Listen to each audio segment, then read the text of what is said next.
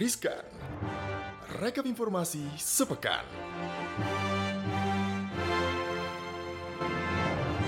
Halo Sobat Cuan. Selamat pagi, selamat siang, selamat malam di mana pun Anda berada Sobat Cuan. Tuh, Selamat hari Jumat tanggal 15 Januari 2021 Nggak salah lagi gue. Nggak Kalau salah. minggu kemarin gue masih ngomong 2020 gitu Eh, nggak move on. Dia dari 2020 Ada Padahal Alin. Ada Gibran juga. Gue juga udah mau move on dari 2020 Oh kirain mau move on dari, Dari mantan kantor gitu. ini. Eh jangan. Siapa yang mengisi nanti ini di sini? Tetap kok Gibran akan setia menemani Sobat Cuan ya Di Riskan Rekap. Mhm. Informasi sepekan. Ada berita apa sih kakak Gibran gitu Yang pertama ini? Anda harus mencatat bagi para pengguna tol Cikampek. Ini harganya naik menjadi 20 ribu Jadi per tanggal 17 Januari 2021 berarti Lusa ya berarti lusa, ya? Hari Minggu ya berarti ya. Eh, eh, bener. Ini tarif tol di beberapa ruas akan naik termasuk tol Jakarta Cikampek. Golongan satu tarifnya dari 15.000 menjadi 20.000 Ini imbas dari integrasi tarif tol layang atau elevated dan juga ruas existing di bawah. Jadi selain tol Jakarta Cikampek ada enam ruas tol lain yang dikelola oleh JSMR alias Jasa Marga. Kode imitan banget ya Iya nggak apa-apa supaya hemat aja kata-katanya gitu kan. Yang juga akan disesuaikan dengan uh, waktu bersamaan. Jadi ruas tol Outer Ring Road atau JOR ini Cikampek Padalarang, Cipularang, terus Padalarang Cilenyi, Padalenyi, terus Palimanan Kanci, Palikanci, eh hafal ya. ini Semarang seksi A B C Surabaya Gempol itu Hmm, katanya. gitu. Kenapa sih kak? Ini naik tuh kenapa gitu? Jadi staf ahli menteri PUPR ini eh, Endra Atmawijaya mengatakan kalau di 2020 itu kenaikan ini di beberapa ruas tol ditunda akibat adanya pandemi. Jadi sebenarnya mau dinaikin udah dari 2020. Jadi dari 2020 Tapi kemarin, karena melihat gitu ya. kondisi yang nggak memungkinkan gitu kan, akhirnya baru di 2021. Jadi pemberlakuan tarif tol secara berkala ini atau kenaikannya itu akan mulai 17 Januari pukul 00 mendatang. Jadi harus ingat punya eh, di uang elektroniknya pas. Jadi jangan sampai kurang gitu. Iya. Minta ke pengendara lain di belakang gitu. di belakang gitu ya kak ya. Tapi kalau punya handphone yang ada NFC-nya bisa langsung top up. Bisa dong, juga. makanya beli handphone di 2021 ini yang canggih gitu kan. Nah ini kak ya, kayaknya ada juga yang canggih nih kak. Kalau kemarin Mhm. eh, kita sempet eh, apa ngomong ada gosip-gosip Uh-uh. Apple Oke. mau bikin mobil. Mhm. Nah kayaknya ya kak ya, gosip ini akan mewujud jadi kenyataan gitu. Karena Apple Inc. ini dikabarkan akan menandatangani kesepakatan kemitraan pembuatan mobil listrik otonom Uh-huh. eh, namanya Apple Car gitu ya katanya dengan Hyundai Oke. itu kalau orang eh, Korea ngomongnya gitu kak Hyundai. Ya. Hyundai Motor pada Maret 2021 ini gitu Mhm. ya. Nah, ini berdasarkan laporan dari surat kabar lokal Korea Selatan Kak, IT News namanya. Mhm. Nah, kabarnya nih produksi mobil ini akan dimulai pada 2024 di Amerika Serikat. Nah, Hyundai Motor nih nolak nih untuk komentarin laporan uh, dari si IT News ini ya Mhm. dan menegaskan kembali uh, komentar mereka pada pekan lalu gitu. Sebe- uh, pekan lalu Hyundai Motor ini pernah mengonfirmasi bahwa pihaknya ini dalam tahap diskusi pembuatan mobil listrik milik Apple yang disebut akan bernama Apple Car. Uh. Terus dikoreksi sama si Hyundai ini. Jadi apa dong? Dimarahin kali ya sama Iya, Apple ya, Apple, kayak "Eh, masih jangan." rahasia Iya, gitu ya. lu mah bocor gitu kan. Nah ini nih pernyataan ini menyusul laporan lokal dari Korea Economic Daily yang mengatakan Apple ini mempertimbangkan kerjasama dengan Hyundai Motor dan sedang meninjau persyaratannya. Jadi kerjasamanya ini lagi ditelaah gitu Mhm. katanya ya Sobat Cuan ya. Nah sementara Reuters ini melaporkan bulan lalu ya Apple ini semakin mantap menggarap teknologi mobil otonom dan bertujuan untuk menghasilkan kendaraan penumpang yang dapat Oke. mencakup teknologi baterai terobosannya sendiri. Jadi dia mau bikin sendiri baterainya Oke, di jelas awal bukan tahun baterai iPhone ya 2024. Atau, MacBook. baterai. ini ya kan ntar cepet ngecharge ya dia ya jadinya ya Mm-mm, jadi gitu Eh, apa namanya ini dari beberapa media ya kalau tadi ada Reuters Mhm. kemudian ada media lokal dari Korea sendiri gitu ya Em, bisik-bisik tetangga ini sudah ada gitu bahwa Apple Car ini memang akan terlaksana Tapi by the way untuk mobil listrik Hyundai itu Hmm, Hyundai, di- Kak. Hyundai Hyundai gitu kan di 2020 itu paling laku di Indonesia Oh, itu gitu. banyak terjual juga. Hmm. Ada beberapa harganya juga cukup bisa dikatakan murah ya walaupun saya juga belum sanggup membelinya gitu. 600 jutaan gitu kan. Tapi kalau khusus mobil dengan baterai listrik dia cukup murah sebenarnya kalau dibandingkan dengan Tesla Model S, Model 3, terus BMW Kakak dan ini sales atau pengguna Hmm? Sales atau pengguna mobil listrik? Saya memimpikan punya mobil listrik gitu. Kalau Nggak punya mobil mimpi dulu. listrik, punya jaringan listriknya aja ya dulu. punya lah kak masa kan sekarang di mana 900 sih, volt ampere doang. Kalau udah punya mobil harus dinaikin dong Biar tambah daya. ya Iya. di rumah Ntar langsung mati gua rasa listrik letak dulu listrik gua tambah tambah daya. nah ini gitu. listrik listrikan juga ya kak ya Benar. ada ini, Ini, nih kabar baik juga sebenarnya karena Indonesia itu berambi- berambisi hampir setengah juta mobil listrik di 2025. Wah. Wah, berarti 500 ribu. Berarti kan Apple Car 2024, 2025 kita sudah siap tuh ya. Iya, jadi bisa dikatakan pemerintah ini memiliki target agresif agar populasi kendaraan bermotor listrik ini bisa masif mengaspal di jalanan Indonesia, di Jakarta, di Sumatera, Jawa, Bali, pokoknya ada deh orang naik kendaraan listrik ini. Jadi setidaknya ditargetkan ratusan ribu unit kendaraan listrik yang bisa beroperasi di jalanan. Jadi roadmapnya 2025 itu ditargetkan paling tidak 20% kendaraan mobil listrik. Dari total kendaraan yang ada di, di Indonesia ya. Benar. Oh, jadi kira-kira banyak 5 ya, Kak. hingga 10 tahun kita akan menjadi pemain besar. Wow. Jangan sampai cuma jadi pembeli ya, harus membuat juga nih kita nih. Jadi 5 tahun sampai dengan 20 tahun ke depan itu 5 sampai 20 persen gitu. Nilainya juga sangat besar ya. 2 juta targetnya kalau bisa 20 persen. Jadi ada sekitar kurang lebih 400 ribu mobil listrik beredar di Indonesia. Banyak juga ya. Ini menurut Dirjen Industri Logam Mesin Alat Transportasi dan Elektronika Kementerian Perindustrian Pak Taufik Bawazir. Gitu. Jadi ini kemarin mengatakan itu. Nah untuk mencapai target itu pemerintah ini sangat getol menarik investor luar negeri agar mau berinvestasi mobil listrik di Indonesia. Kan kita tahu hingga saat ini kan banyak yang tertarik ya. Hyundai, terus juga Honda, Toyota, terus Tesla, Tesla. juga kabarnya mau datang. Ditunggu ya Pak Elon Musk gitu kan di sini harta tahta Tesla gitu kita tunggu di sini ya.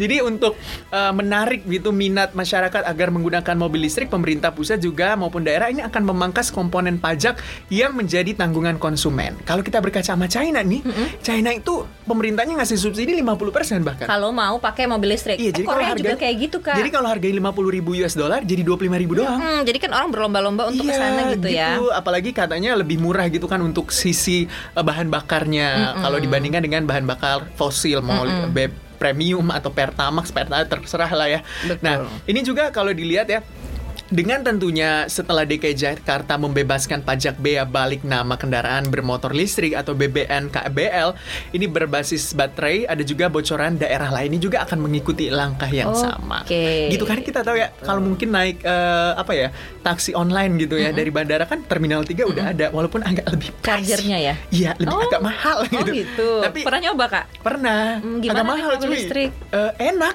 enak Selain banget kayak mahal, oh gitu. mulus Ah, yang aja. bener. Beneran. Saya kayak, jadi ngiler kayak muka ini kayak artis-artis Korea mulus, mulus gitu ya. Kayak nggak ada hambatan Tapi gitu. kemacetan di Jakarta tetap menjengkelkan walaupun dengan naik mobil listrik apa jadi lebih mungkin menyenangkan? juga terbebas dari kemacetan kecuali mobil listriknya bisa terbang. terbang ya, kan? biasanya nggak mungkin itu. Tapi semoga aja gitu ya eh, kita gitu bisa terwujud di 2025 ini Mhm. 20% mobil-mobil yang eh, melantai, cie melantai. Menga- eh, mengaspal, Bu. Mengaspal Iya, ya karena dia nggak jalan di di jalanan DKI Jakarta dan juga kota-kota besar di Indonesia atau mungkin malah seluruh Indonesia ini adalah mobil-mobil listrik. Biar Benar. kita kayak ini kan negara-negara Skandinavia yang mobil listrik tuh di mana-mana. Bener-bener oh, gitu kan. Tapi gue takutnya ya kan kalau Gue takutnya lobet di tengah jalan. Iya, kalau gue malah takutnya kan charger mobil listrik misalnya di mana-mana kan kayak pom bensin gitu Iya, ya kak. ah. Dicoret-coret kan nanti sama alay-alay gitu nggak sih kak? Iya. Mekanisme ininya gimana sih Ya, makanya harus ngecasnya? dijaga kali ya. Bayar gitu ya? Iya bayar, tetap bayar. Kayak Cuma beli kan gitu. kalau ngecasnya itu agak lebih lama gitu, mungkin dua jam. Tapi ngecasnya tuh harus sampai full atau bisa eh, Pak eh, setengah aja gitu terus bayarnya setengah. Ya menurut gue sih harus full ya. Kalau enggak, bayangin ibu jalanin tol Cikampek sampai Bandung, macet di tengah jalan, habis listriknya gimana ceritanya? gitu lah ya gitu. hayal-hayal kita eh, punya mobil listrik Aha. tapi ini kayaknya hayalan yang memang akan terwujud nyata Kita gitu doakan ya, karena optimisme 2021 entah kenapa gue tuh optimis banget di 2021 gitu ya. Kayak negara kita itu akan selangkah lebih maju di 2021. Iya, dan harus Karena kita itu memiliki sumber daya alam yang banyak gitu Betul. yang harus dikelola dengan baik. Betul. Yang katanya kita menyimpan harta karun. Betul kak, ada harta karun yang selama ini mungkin tidak pernah dilirik gitu ya apa tuh, sama masyarakat ya? Indonesia. Jadi nih kak ya, Indonesia ini menemukan harta karun baru Wow. dalam komoditas ekspor. Nah, Hmm. apakah itu? Nah, kalau kata Menteri Perdagangan M Lutfi, eh, dia bilang nih bahwa ini nilainya sampai ratusan triliun. Wow. Nah, komoditas apakah itu? Kalau misalnya sobat cuan mikir apa eh, kelapa sawit, us udah ketinggalan zaman. Apa dong ya? Mm-mm. Ini Hmm, harta nikel, nikel, nikel. Itu juga udah pada tahu. Hmm, eh, eh, eh, eh, apa ya? Alay, alay kita banyak kan bisa diekspor mungkin ya. Jamet. Bukan juga gitu ya. Ini adalah komoditas sarang burung walet kak. Wow. Oh, ini yang bisa dipakai buat agar-agar ya? Buat agar-agar, buat kosmetik, Wow. buat apa lagi? Oh, buat ini katanya bisa bikin kita panjang umur, awet muda gitu Oh, ya. ini yang ditaruh rumah-rumah gitu kan, terus Iya. burung waletnya masuk. Oke, gue Ah, pernah lihat, gue gitu. pernah lihat. Nah, selama ini Indonesia mengandalkan banyak komoditas lain ya selain si sarang burung walet ini untuk mengejar defisit neraca perdagangan. Mhm. Mulai dari lemak dan minyak hewan eh, baik itu hewani gitu ya, lemak dan minyak baik itu hewani maupun nabati, mesin, perlengkapan elektronik hingga kendaraan dan bagiannya atau spare partnya. Nah, sayang banget defisit transaksi berjalan atau current account deficit atau CAD ini masih eh, terap kerap terjadi gitu setiap kuartalnya. Nah kali ini kalau kata Pak Mendak ya mungkin sarang burung walet ini bisa menjadi andalan dan jadi penyelamat. Oke, gitu, Kak. kalau diekspor ya gitu ya, benar-benar benar. Nah, Pak Mendak bilang eh, kita ini penghasil pengekspor yang kabarnya ini 2000 ton burung walet, 110 ton di antaranya ini sudah terakreditasi nih Kak. Oke. Eh, iya kayak sarang burung walet. Sorry tadi maksudnya 2000 ton sarang burung walet dan 110 ton di antaranya ini sudah terakreditasi dan dijual langsung ke eh, RRT atau Republik Rakyat Tiongkok atau Cina gitu. Hmm, Karena memang ini adalah negara yang paling banyak mengkonsumsi sarang burung walet. Ada kan sub sarang burung Hmm, walet kan di sana. Itu kan? kayak yang untuk apa panjang umur. benar benar benar benar benar. Awet muda gitu kak. Pokoknya ini katanya manfaat kesehatannya luar biasa gitu ya sobat cuan ya. Mhm. Nah nilai impor sarang burung walet eh, dari Indonesia ke RRT ini pada periode Januari sampai November 2020 aja ya kemarin itu ya mencapai Mhm. 350,93 juta US dollar atau meningkat sebesar 88,6 persen kak. Mhm. Kalau sebelumnya gitu ya itu hanya 186,07 juta US dollar. Jadi peningkatannya di tahun 2020 bayangin ya Kak, tahun Oke. pandemi gitu ya. Ketika mungkin transportasinya juga susah gitu Mhm. ya. Itu ada peningkatan 88,6 persen. Oke. Mungkin karena concern kesehatan juga. Benar. Jadi memang kita itu harus jeli melihat Peluang, pasar, gitu. peluang yang ada gitu. Jangan cuma bergantung pada satu komoditas kita ekspor gitu. Tapi kita harus oh ternyata sarang burung walet gitu kan eh, sangat-sangat bisa dikatakan ini Potensial. potensial. Terus juga dulu kan pernah kita itu eh, potensial di babi gitu kan. Ini Oh kan iya, Kak? bener. Sampai-sampai Vladimir Putin kan pernah tuh pemerintah Rusia bilang kita mau memasarkan babi ke Indonesia kan ketawa lah.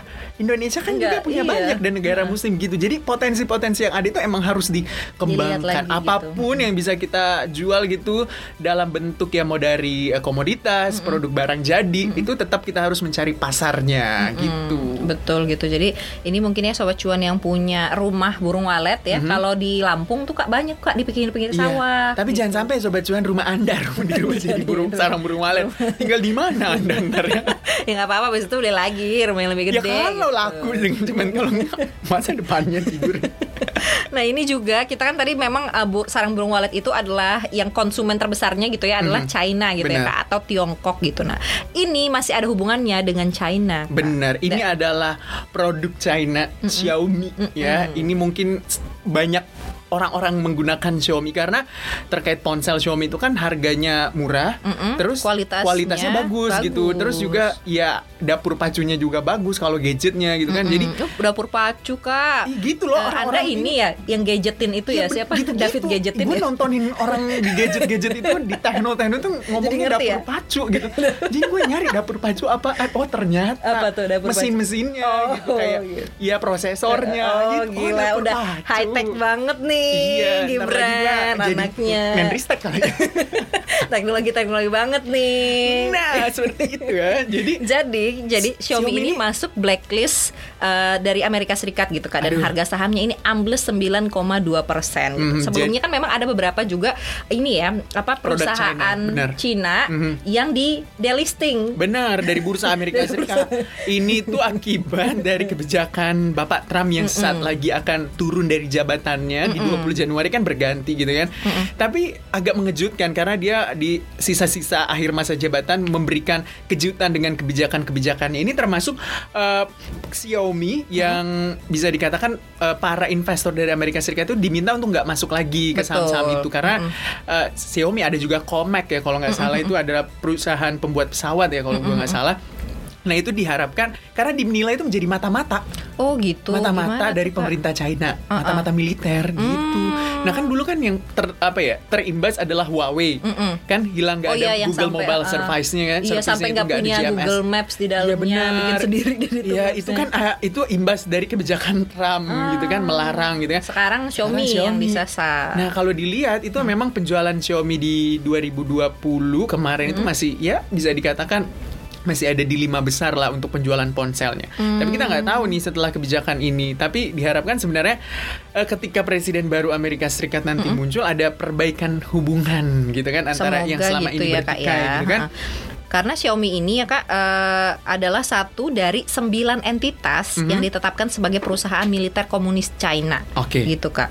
Jadi bisa dibilang eh, Amerika kayaknya agak-agak takut gitu ya kak ya Mhm. memproteksi diri nih Iya, dari perusahaan-perusahaan China yang mungkin Mhm. jadi mata-mata. Mhm, Tapi itu kan eh, antara Amerika Serikat dan China ya. Mhm. Tapi kalau kita lihat untuk pangsa pasar Xiaomi misalnya di luar dari Mhm. Amerika Serikat dan juga misalnya di luar Amerika Serikat itu masih cukup besar sebenarnya Banget, pangsa pasar apalagi di Xiaomi. Indonesia. Apalagi di Indonesia, Ah, orang Indonesia gitu. berburu gadget murah dengan kualitas baik. ya Betul, tetap. karena dia tuh nggak kalah saing ya kak ya kalau masalah teknologi kayak 5G gitu ya. Benar. Xiaomi udah ada dari kapan tahu, Apple baru-baru ini. Mm, gitu. Apalagi di 2021 handphone Xiaomi nanti ada muncul itu Apa? Mi eh, Note 11 ya kalau nggak salah. Namanya, ngapain? bener. Bisa apa tuh? Itu lebih canggih banget gitu. Oh. Jadi kayak gue ngasih lu harga bisa menghasilkan duit nggak kak? Kayaknya gue bisa kalau ada teknologi paling aplikasi di dalamnya cuy bisa keluar duit gitu kan atau Nggak usah ke juga, ATM lagi Eh, Bank Indonesia kalau nyetak perumperuri ya nyetak duit.